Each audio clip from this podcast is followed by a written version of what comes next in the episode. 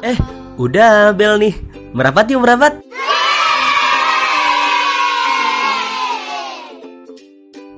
Oke, halo. Balik lagi bersama saya, Maruf El Munir dalam podcast Pikir-Pikir Lagi.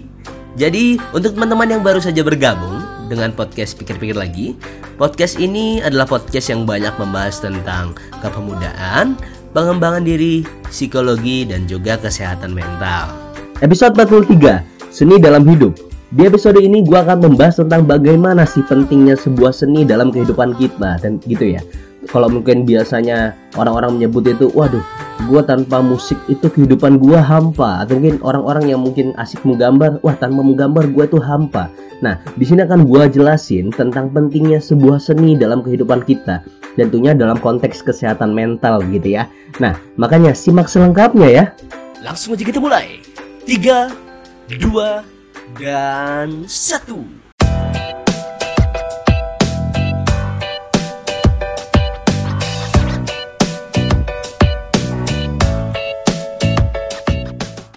Ya, Assalamualaikum warahmatullahi wabarakatuh. Selamat pagi, siang, sore, malam.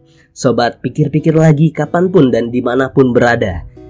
Di episode ini Seperti yang tadi gue jelasin di awal Kita akan membahas tentang seni Sebelumnya gue mohon maaf Karena sebenarnya gue kan orangnya ya gimana ya? Mungkin kalau gue bilang Gue nggak seni-seni banget gitu ya. Karena gue kan latar belakang juga psikologi. Tapi di sinilah gue akan mulai.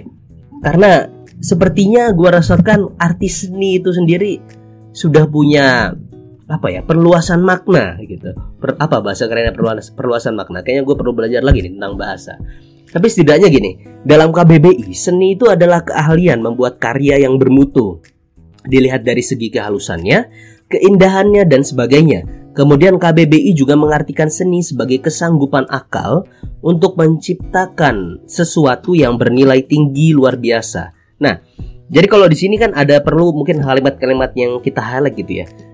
Seni sebagai kesanggupan akal untuk menciptakan sesuatu yang bernilai tinggi. Nah, ini kalimatnya menarik gitu ya. Karena di akhir-akhir ini kita kalau misalnya denger gitu ya, kata seni itu kan lagi rame-ramenya gitu ya. Di, terutama di dunia pengembangan diri. Kayak misalkan kalau gua ajak mikir gitu ya. Kayak misalkan kita tahu sendiri ada salah satu buku yang mungkin buku ini bisa dibilang sebagai buku wajib lah akhir-akhir ini untuk tema-tema self development yaitu seni bersikap bodoh amat. Nah, tahu sendiri lah gimana ya, yang di mana di sana membahas tentang bagaimana sih caranya supaya kita tuh nggak terlalu mikirin kata orang, bagaimana supaya kita tuh apa ya mungkin ya highlightnya, ya kita bisa fokus pada tujuan kita kita nggak perlu ngelihat terlalu ngelihat sana kanan kiri kanan kiri sampai akhirnya kita lupa tujuan akhir kita apa. Nah, kemudian ada juga buku tentang berbicara itu ada seninya. Di sana membahas tentang kalau dalam komunikasi dalam berbicara yaitu memang ada seninya bagaimana susunan kata yang tepat, bagaimana cara kita memahami orang. Yang memang itu jelas itu butuh seninya. Kemudian ada juga yang lagi rame yang kemarin rame oh ya seni hidup minimalis. Nah itu juga kemarin gue sempat baca tentang bagaimana sih kita itu bisa hidup dalam kesederhanaan yang tentu membuat kita lebih bahagia. Nah kenapa ada konsep-konsep kayak gitu? Itu kan satu konsepnya adalah tentang bagaimana dengan kesederhanaan itu membuat kita lebih simple, lebih sederhana gitu. Misalkan nih, kalau misalnya cowok cewek gitu ya, kalau cowok mungkin bajunya nggak notabene nggak terlalu banyak. Kalau cewek kalau cewek itu kan biasanya bajunya banyak banget gitu ya. Kemudian kalau misalkan mau harus pergi ke mana akhirnya milih bajunya satu jam dua jam tiga jam. Tapi dengan konsep hidup minimalis seni seni itu kan seni hidup minimalis di sana ada tuh pembahasan tentang bagaimana sih dengan begitu kita meminimalisir pilihan. Wah oh iya bajunya cuma ada ini. Oh ya udah pakai ini aja.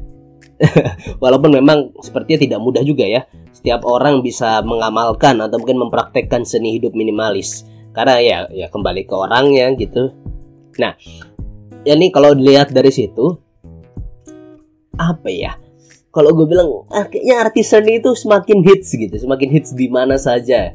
Termasuk dengan semakin ramainya juga buku-buku. Lu kalau dilihat nih di toko-toko apa toko-toko buku besar lu kan di biasanya di sana ada search engine-nya.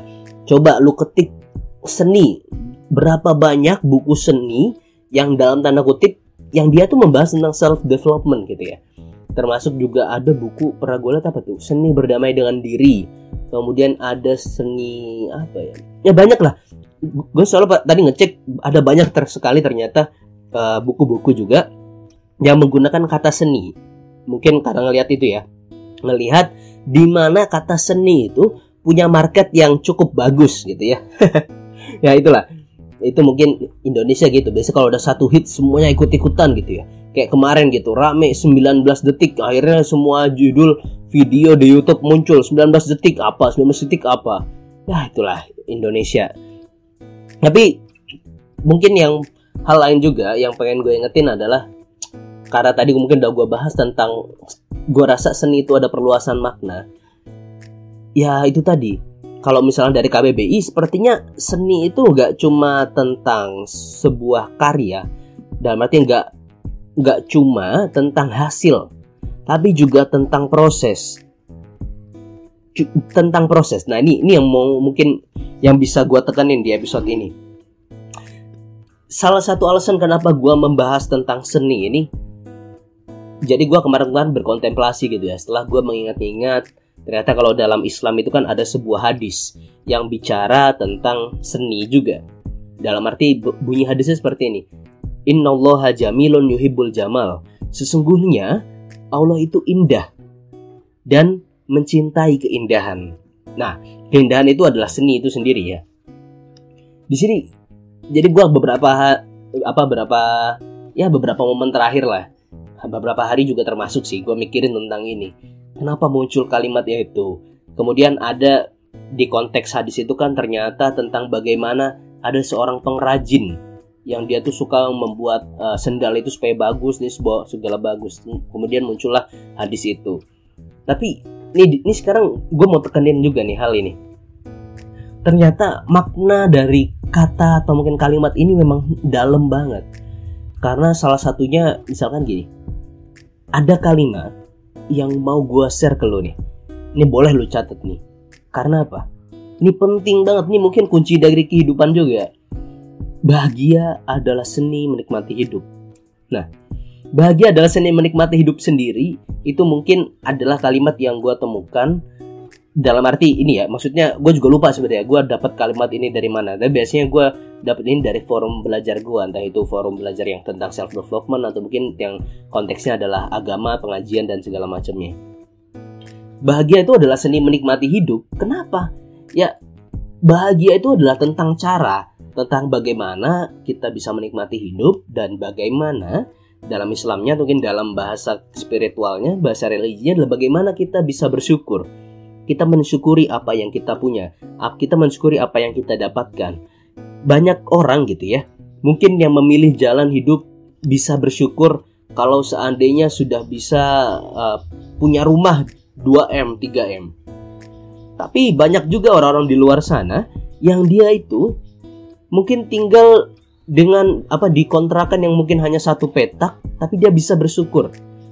Akhirnya apa? Dia bisa bahagia atau bahkan lebih bahagia daripada orang-orang yang ting yang tinggal di rumah yang mungkin besarnya 2M 3M gitu ya yang rumahnya seperti itu nah itu adalah bah tentang bahagia itu sendiri kemudian ada juga kalimat yang ini mungkin ini kayaknya gue dari gue sendiri karena gue mencari turunannya karena ngarahnya juga ke sini gitu ya jadi kalau gue tuliskan juga, yaitu beramal baik itu juga adalah seni.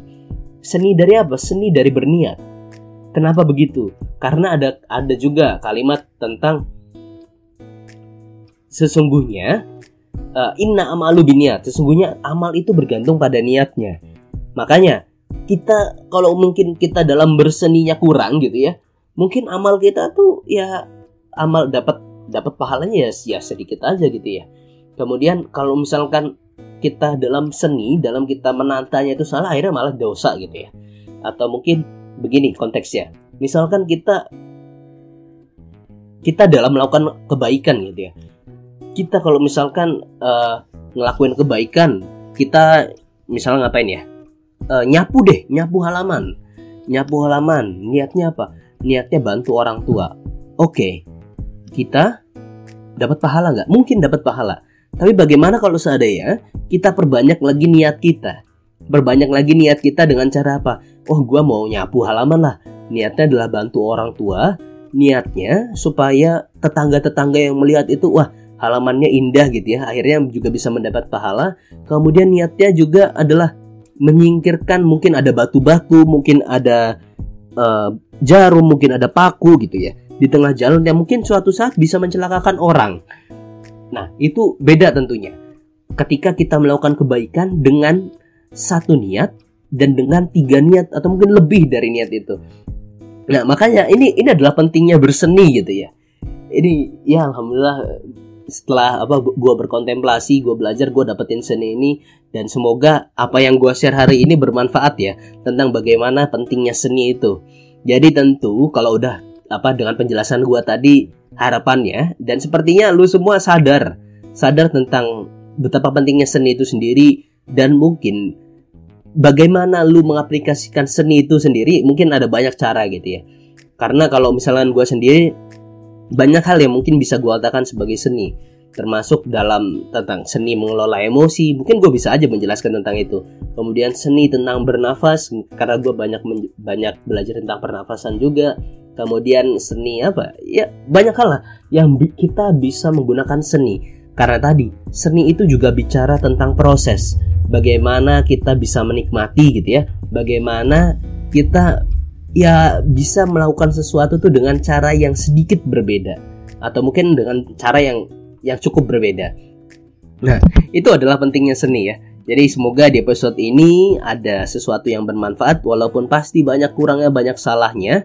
Semoga masih adalah manfaat yang bisa diambil. Jadi silahkan ambil positifnya, buang jauh-jauh negatifnya. Sampai jumpa di podcast Pikir-pikir lagi episode selanjutnya. Dadah.